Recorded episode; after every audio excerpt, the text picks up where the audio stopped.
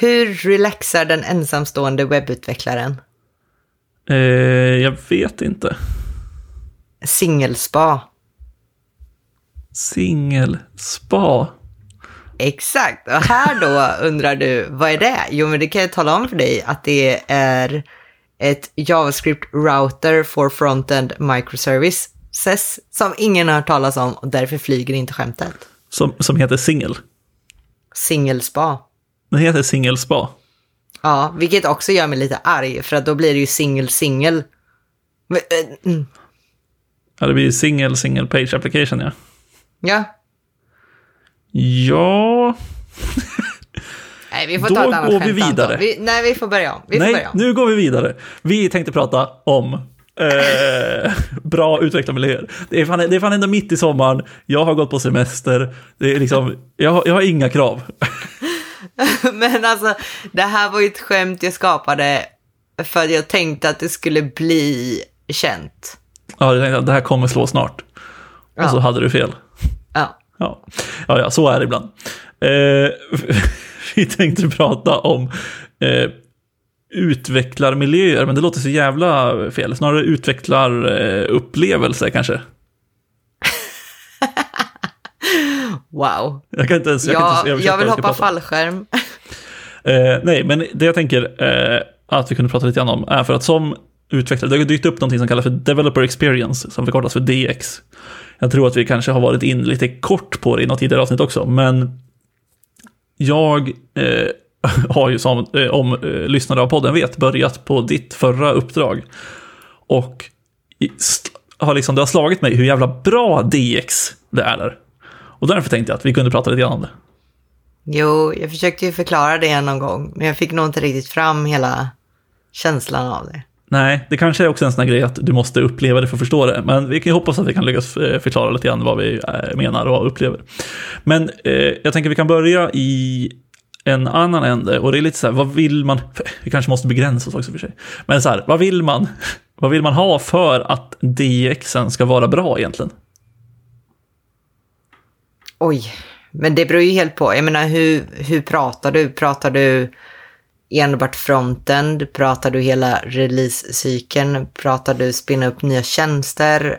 Var, vart går liksom gränsen? Ja, jag tänker mig typ så här en dag på jobbet-upplevelsen. Och då beror det ju såklart lite grann på vad man gör. Jag vet inte, jag begränsade inte någonting av det du sa nyss. Men Nej, alltså jag kan gå till jobbet och här, idag ska jag knacka CSS. Det liksom... Ja, exakt. Men jag tänker om man pratar liksom generellt, för för min del så handlar det ju mycket om, tror jag, att man inte ska stöta på problem eller uppgifter som man tycker är så lite, lite att man inte ska tycka de är tråkiga, men också att man inte ska tycka att de är onödiga eller onödigt komplexa. Nej, alltså jag tänker väl så här. Det första som kommer till mig är konf. Att jag ska slippa konfa en massa saker som jag inte förstår. Ja, jag håller med. Det, men det känns också väldigt mycket som att det faller in i det jag tycker, tänker att så här, att konfa saker är jävligt trist. Och därför vill man inte göra det. Ja, alltså, eller så här, jag vet inte, jag tycker ju att det är fruktansvärt svårt antagligen för att det är så trist. Vi hade en, en kollega som, var så, som vi började skämta om att han, han var liksom konfmästaren så. Och han bara, det är ju bara för att jag är den enda som orkar läsa dokumentationen. och det kanske verkligen ligger någonting i det. Men jag tror också att det är så här att jag försöker ofta läsa saker men jag förstår ingenting. Så att det är inte så att jag bara inte läser dokumentationen, det är bara att jag läser den men äh, äh, fattar ändå inte liksom. Mm. Nej, men exakt. Och alltså så här, jag tänker ett exempel som eh, har dykt upp i mitt liv på sistone är att jag håller på att bygga en liten, ett litet hobbyprojekt och då använder jag det här webbrödmärket som heter Remix som vi kan återkomma till någon gång i framtiden. Men de har liksom typ en template där det följer med så här lite autentisering och inloggning och databasanslutningar och grejer. Och då kör de en sån här SQLite-databas, alltså det är bara en databas på en fil. Så det är liksom en fil som heter typ databas.db som är hela databasen. Och då har de liksom en, det här templatet och då rekommenderar de, ja, men det, vi har förberett så att du kan deploya till en sida som heter fly.io. Eh, som jag har hört gott om tidigare men typ aldrig kört någonting på. Och eh, testade deploya den här tjänsten, allting funkade svinbra. Sen gjorde jag massa ändringar i den här databasen, eller i den här tjänsten och typ hur databasschemat såg ut och körde det lokalt och allting. Och sen deployade det och så funkar det inte. Och jag bara, varför funkar inte det för? Och stod typ, ja, man ska använda migrationer och man ska migrera datat på, med filer och grejer, bla bla bla. Och eh, då tänkte jag, ja men det orkar inte jag göra när jag utvecklar. För att jag sitter ju liksom väldigt tidigt och utvecklar, jag vill bara ha en, en live-miljö så jag kan testa att det funkar efter deploy också samtidigt. Problemet var att jag, jag lyckades inte liksom nollställa databasen i produktion då, eller vad man ska kalla det, alltså den deployade databasen, på något sätt. Och jag fattade inte hur man gjorde. Och jag följde guider och jag följde liksom varenda grej som fanns. Men det gick inte. Och det, då kände jag bara, jag ger upp. Jag kommer flytta till något annat skit än det här jävla fly.io, som verkar vara jättebra. Men... Eh, disclaimer. väldigt mycket disclaimer. Eh, jag har också lyckats lösa det problemet efteråt. Men, men där satt jag i två dagar och bara var oerhört irriterad på att det var så dålig DX. Ja. Ja. Alltså, det där är väl lite så jag känner varje gång jag ska in i någon jävla cloud-tjänst också. Det är, så här, det är inte... Alltså, dålig DX, lite dålig DX, men framförallt jävla dålig UX. Och, och, då är jag ju utvecklaren, så det blir DX i förlängningen. För att alltså, när man inte fattar hur man ska göra saker, alltså typ som Nomad. Var är loggarna? Varför är det så svårt att hitta loggarna? Va, borde inte, är inte hela grejen att det ska finnas loggar? Varför är de gömda? Ja, jag håller med. Ja. Det typ är, typ ja, det är extremt irriterande. Och jag vet inte, liksom så här, det, det som jag då tänkte på när vi väl kom till, eh, till ditt förra uppdrag, som det nu så fint kallas.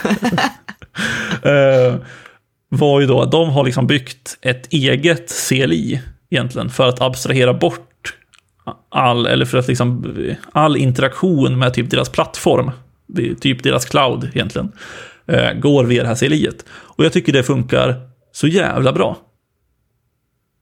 Ja. Det är också så här, det funkar ju svinbra. Eh, eller så funkar det inte för något är fel. jo, men så är det lite grann. Men då är det ändå också så här, i och med att de har byggt det själva så blir det lite så här, ja men då kan man pinga någon och fråga en person och säga, hej det här funkar inte, vet ni varför? Och så säger de, ja, ja vi kollar på det. Och sen är det någon som tittar på det istället för Azure när det är så här, ja det funkar inte, okej det är förmodligen jag som är dum i huvudet men jag är inte helt säker. Jo, precis, men det är också som att du har en extremt eh, snabb och nära servicedesk. Absolut. Men är inte det också en del av bra DX kanske? Eller UX?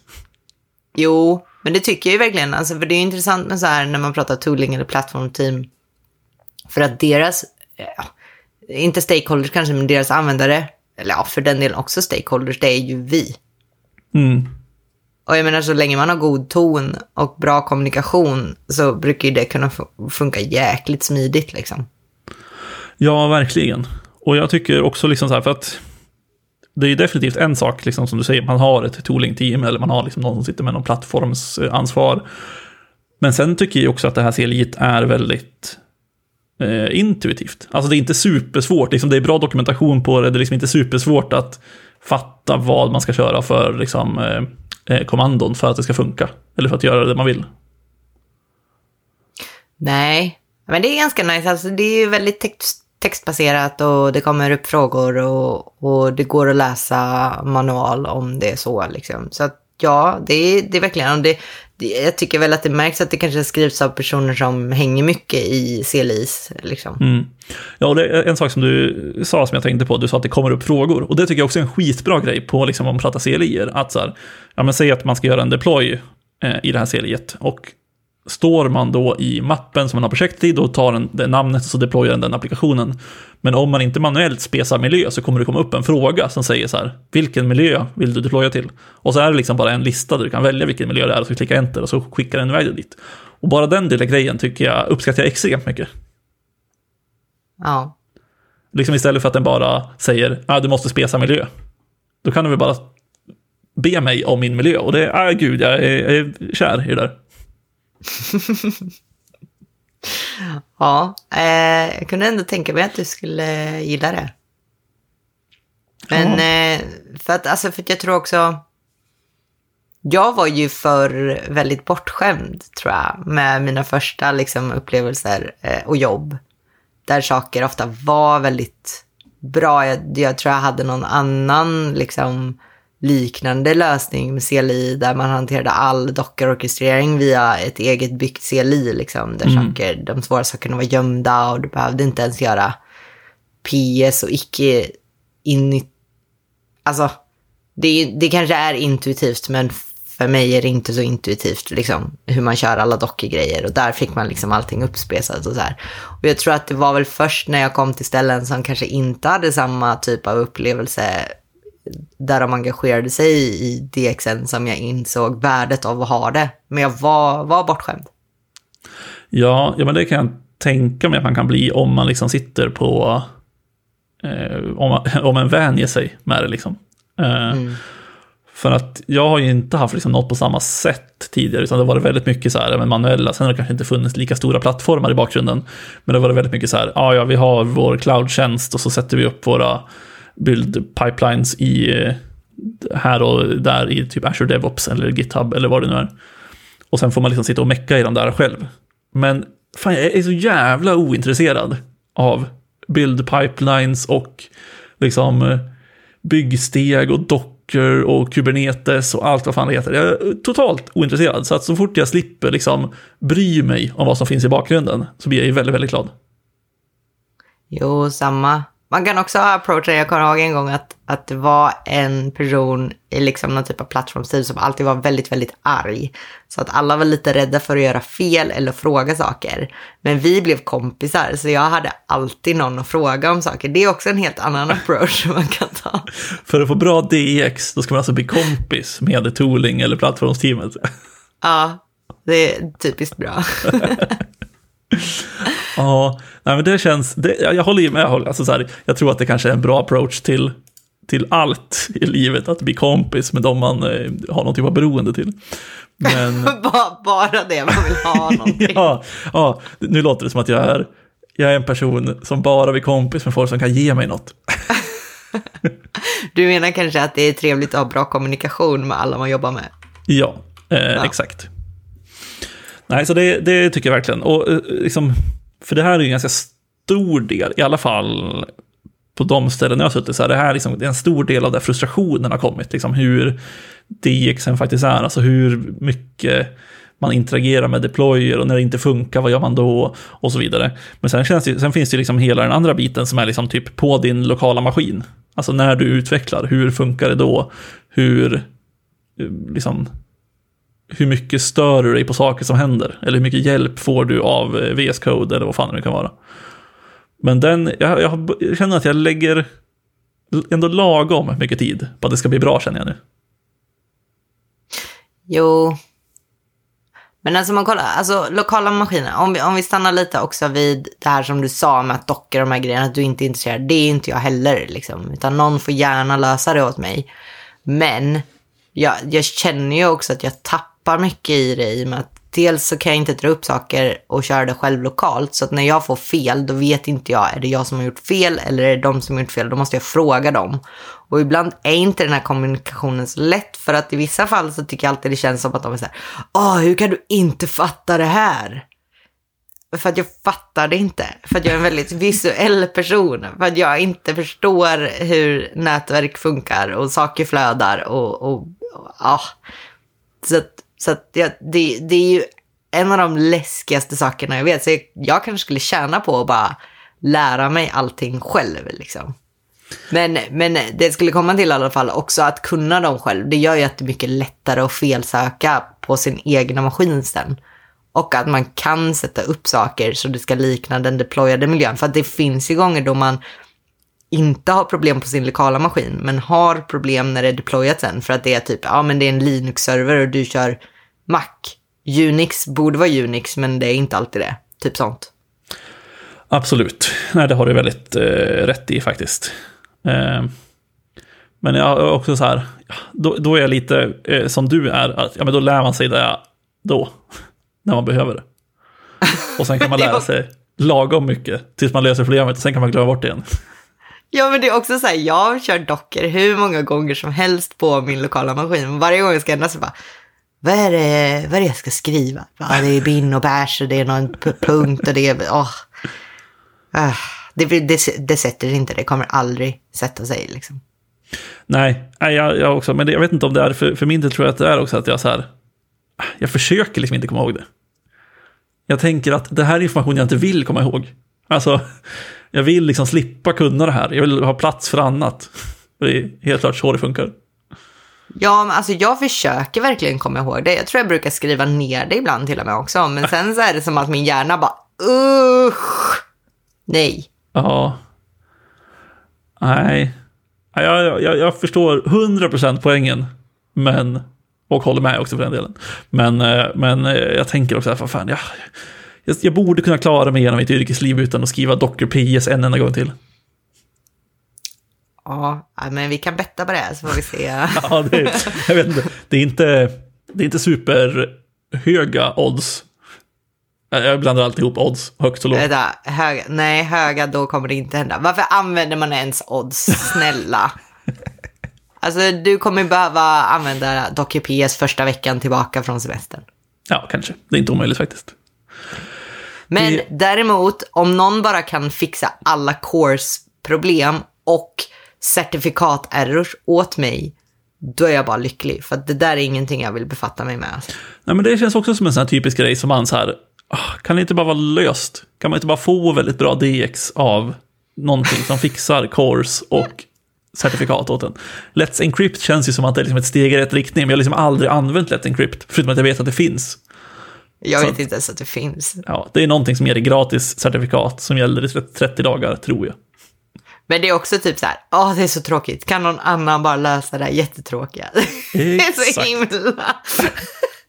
Är liksom, det kommer ju koka ner till att bra DX är att inte ha tråkigt.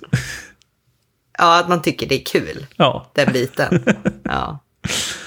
Ja, jag vet inte. Men eh, eh, jo, det jag tänkte på med det här med eh, sin lokala utvecklingsmiljö är, eh, för du kör väl också VS Code, eller har du gått över till någon Vim-variant direkt i terminalen? Ja, Jag kör Emacs. Ja, ah, gud vad härligt. Nej, jag skojar faktiskt. Men jag har faktiskt gått tillbaka i livet till Webstorm.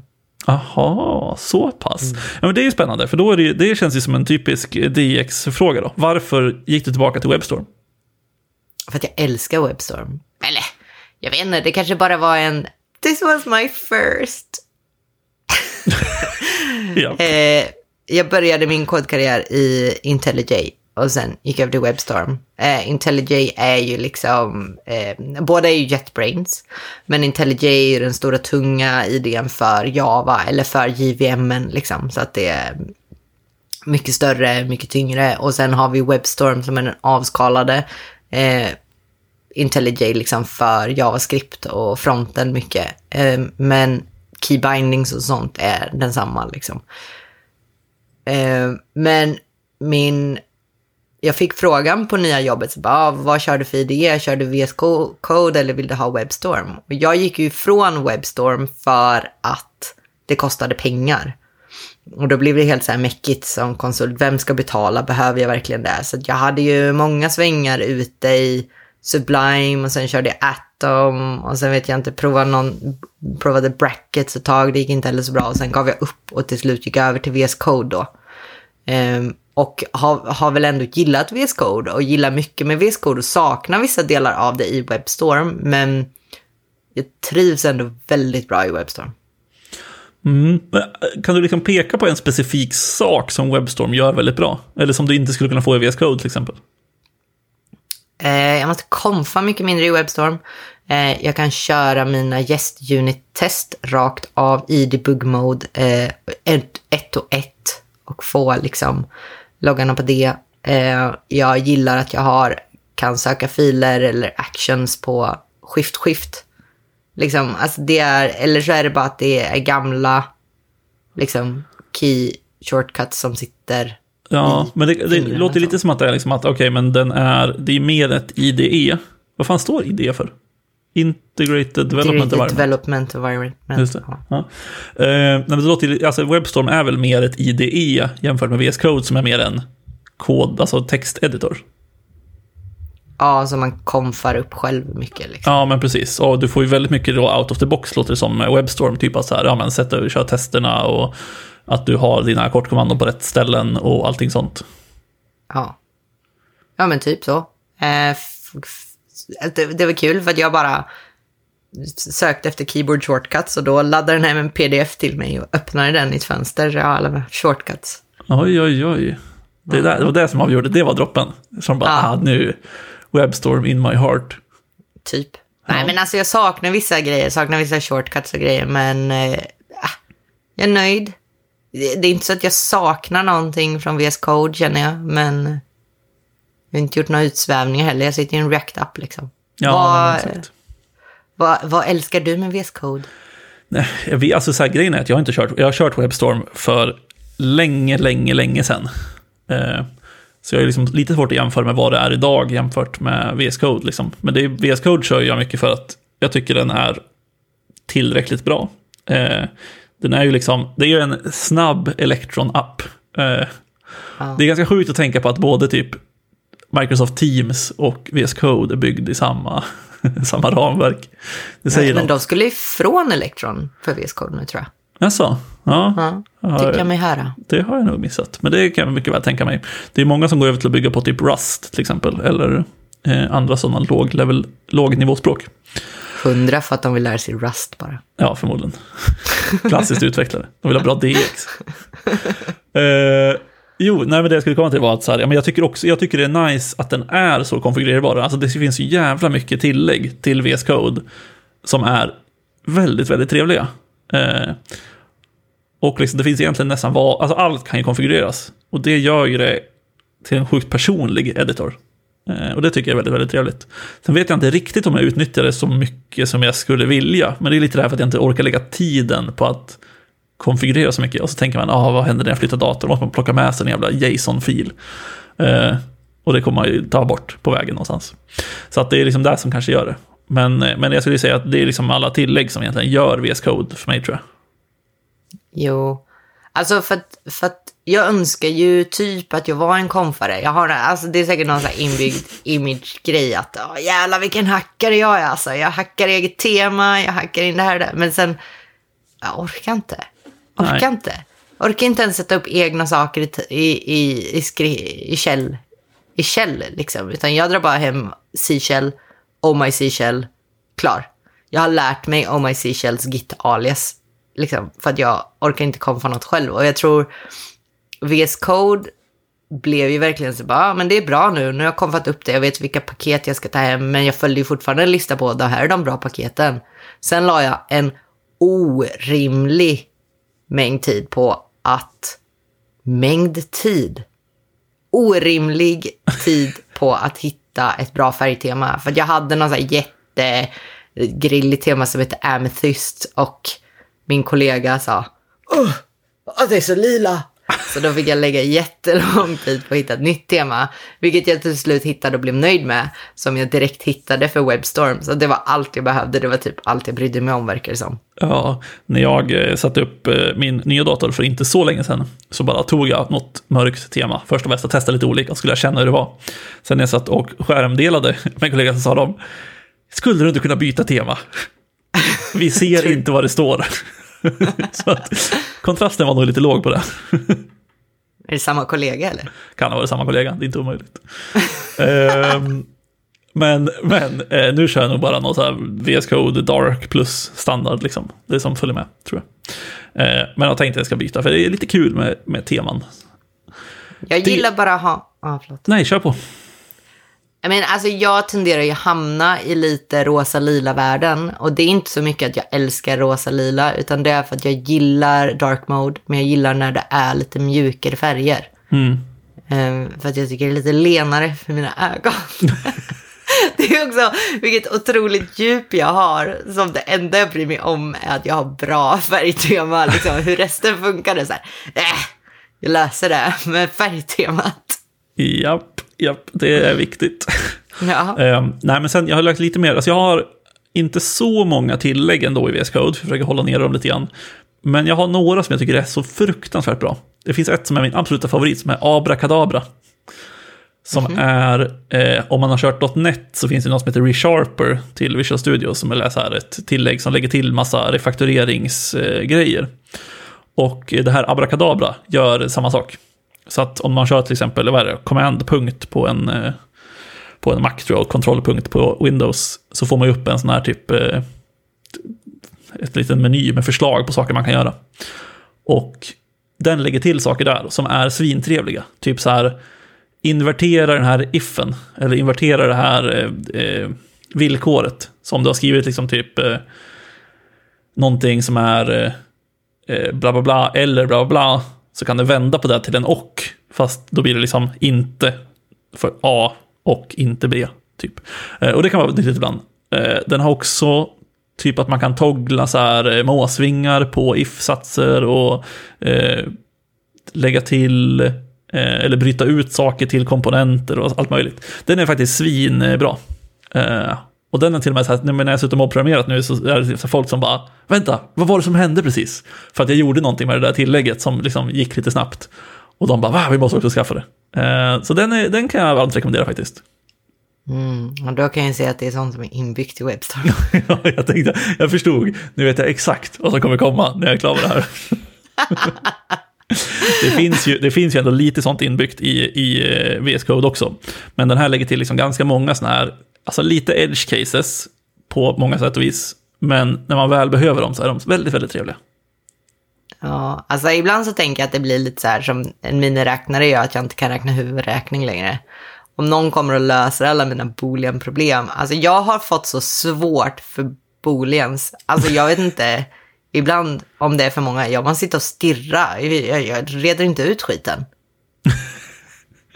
Nej, nej jag, måste, jag brukar ofta eh, sträcka mig efter att säga det högt. Alltså, om inte A eller B och C. Alltså så här, om man säger det högt så brukar det bli lite enklare. Men nej, ibland så trollar man bort sig själv.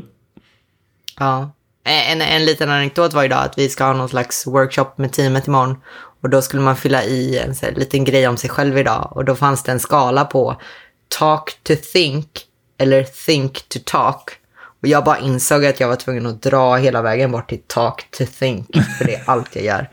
Eh, ja. Så att, eh, så gör jag med. Ja, men det, det är ändå en vettig eh, approach tycker jag. Jo, jag skulle ja. bara säga att jag har två till, tror jag. En till kanske. Eh, Gitlens känns det som att alla kör i VS Code. Den borde man köra Gud, för den ja. lägger till massa härliga Git funktionalitet. Så man tänker, jag brukar alltid tänka att det är inbyggda saker i VS Code och sen sätter man upp en ny VS Code eller en ny dator och så bara, varför funkar inte den här grejen med Git som alltid brukar funka? Eh, och så inser man att det är Gitlens som gör det. Eh, men sen skulle jag också säga att det finns ett ganska nytt om man kör TypeScript som heter TypeScript Error Explainer, tror jag den heter. Mm. Eh, och eller Error Translator heter den till och med. TypeScript Error Translator. Och där den gör är egentligen att den försöker liksom förklara TypeScript-fel med plain text. Eh, så istället för att man får, liksom super, eller man får de här superlånga TypeScript-felen också, men då försöker den skriva ut typ så här, eh, den, du frågade efter den här typen, men du fick den här typen, typ så. Eh, mm. Den är ganska ny, så att den är liksom inte helt hundra perfekt än. Men det var det några gånger som jag fått liksom extremt obskyra TypeScript-fel. Och så har den där skrivit ut det rakt upp och ner i plain text. Och jag har fattat exakt vad det var. Så den, den eh, tycker jag är väldigt, väldigt bra. Nice. Också om man satt massa med prestanda så fanns det någon sån här bundle size analyzer som, som kollade bundle size på imports också. Just det, ja den finns också ja, som visar liksom inline i, i kodfilen sånt där. Mm. Och sen fanns det ju den här color bracket grejen, men den la de in i VS Code. Ja, den finns inbyggd, för den kör jag fortfarande. Eh, jag körde också liksom extensionet förut, men nu är det ju inbyggt och det är väldigt, väldigt trevligt. Ja. Jag kom på det mest magiska med Webstorm som jag har saknat något så otroligt mycket. Ehm, ja. Jag kör ju Git i terminalen mest. Många kör det ju i idén liksom. Men jag har kommit in i att göra en Git add patch och liksom kolla igenom mina grejer. Men det Webstorm har, som kommer från IntelliJ också, det är Resolve Conflicts. Så när jag får en merge-konflikt och öppnar jag upp resolve conflicts och visar en lista på filerna så kan jag välja om jag vill ha inkommande limit eller så kan jag välja att ta merge. Då får jag upp båda filerna bredvid varandra. Jag kan välja att trycka in liksom, alltså och då får jag upp tre sektioner. Så jag får upp i, i, ja, vilken det nu är, inkommande det. på vänster, vad det blir i mitten och sen eh, mitt egna i höger liksom. Och då får jag ju pilar där jag kan trycka in, jag vill ha det här, jag vill inte ha det här, jag vill ha det här, jag vill inte ha det här. Allt är helt överskådligt och sen när jag är klar med alla konflikter då bara så här, eh, add, merge nästa fil. Det är, det är magiskt och jag älskar det. Det är det bästa som finns. Det finns väl ändå ett merge-gränssnitt i VS Code också? Jag vet inte, jag har inte orkat lägga in det. Eh, jag tror det, alltså det är ut, utan extensions. Jag brukar köra den när det väl är merge-konflikter. Och det är också lite så här att du får välja eh, hur det är. Jag vet inte om de har den här trevägsvyn som många älskar. Jag har liksom aldrig Nej. riktigt eh, orkat eh, sätta mig in i den. Den känns jobbig det bara för att det är tre. Det kommer ju upp, du måste in i filen och så måste du så här incoming, accept incoming. Alltså så kommer det upp i minitext så måste du klicka rätt typ. Det finns, det finns en två-vy också tror jag. Eh, Där du kan se incoming på ena sidan och current på andra sidan. Men, eh, men absolut, det är, det är som du säger. Men vart gör du av det då? Vart, vart mergar du det? Nej, men jag tror att man bara ska fatta vart det hamnar. Alltså jag tror inte man kan, jag tror inte den där tre, det kan mycket väl vara så att den här tredje vyn finns också. Men, eh, men man löser ju liksom varje liten konflikt för sig utan den här tredje vyn, typ. Är det här ett litet försvarstal ändå för VS Code? Att du måste Ja. visa att VS Code kan också? Men jag tänker att om man kör VS Code så man inte missar det. Det är mest därför. Eller? Ja, VS Code kan faktiskt också. VS Code, pinga mig hur mycket ni vill betala för det här. Vi Nej, kan ta det, alltså vi kan ta det under bordet. Jag, jag var verkligen så här, funderade på om jag skulle köra VS Code eller Webstorm när jag började här. Så det var inte så att jag bara, ah, kasta bort det ena. För att jag, som sagt, jag tycker VS Code har, det har funkat bra liksom. Men sen så blev jag lite fundersam på vad var det jag gillade så mycket med Webstorm och finns det kvar? Och nu är det mer så här att, ja, men nu kör jag väl det här istället. Jag orkar inte lära mig om keybindings igen. Och man får rätt mycket out of the box som jag aldrig skulle orka bry mig om. Det är ett jävla klagande på att jag inte har dry kod. Alltså det är ett jävla gnäll. Så det, det får man med. Ja, Um med det så tror jag inte vi hinner med det här avsnittet. Eh, det kanske blir ett till avsnitt om DX, men vi får se vad vi tar upp då. Om inte du har något mer att tillägga, Therese? Nej, vi kan väl sluta på att jag bara säger det är ett jävla gnäll. Ja. Tydligen. Men är- man ska alltid sluta på botten. Det är, det är så det är. Så det, det har gått ut för och så slutar vi här. Ja, ja, då gör vi så. Vi säger så, så hörs vi som vanligt om två veckor igen. Och ni når oss där ni når oss, som alltid.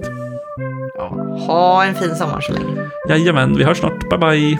Hej.